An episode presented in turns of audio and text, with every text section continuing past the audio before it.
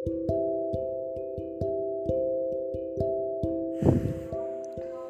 tak bisa selamanya berharap bahagia semata, karena luka merupakan hal yang pasti ada.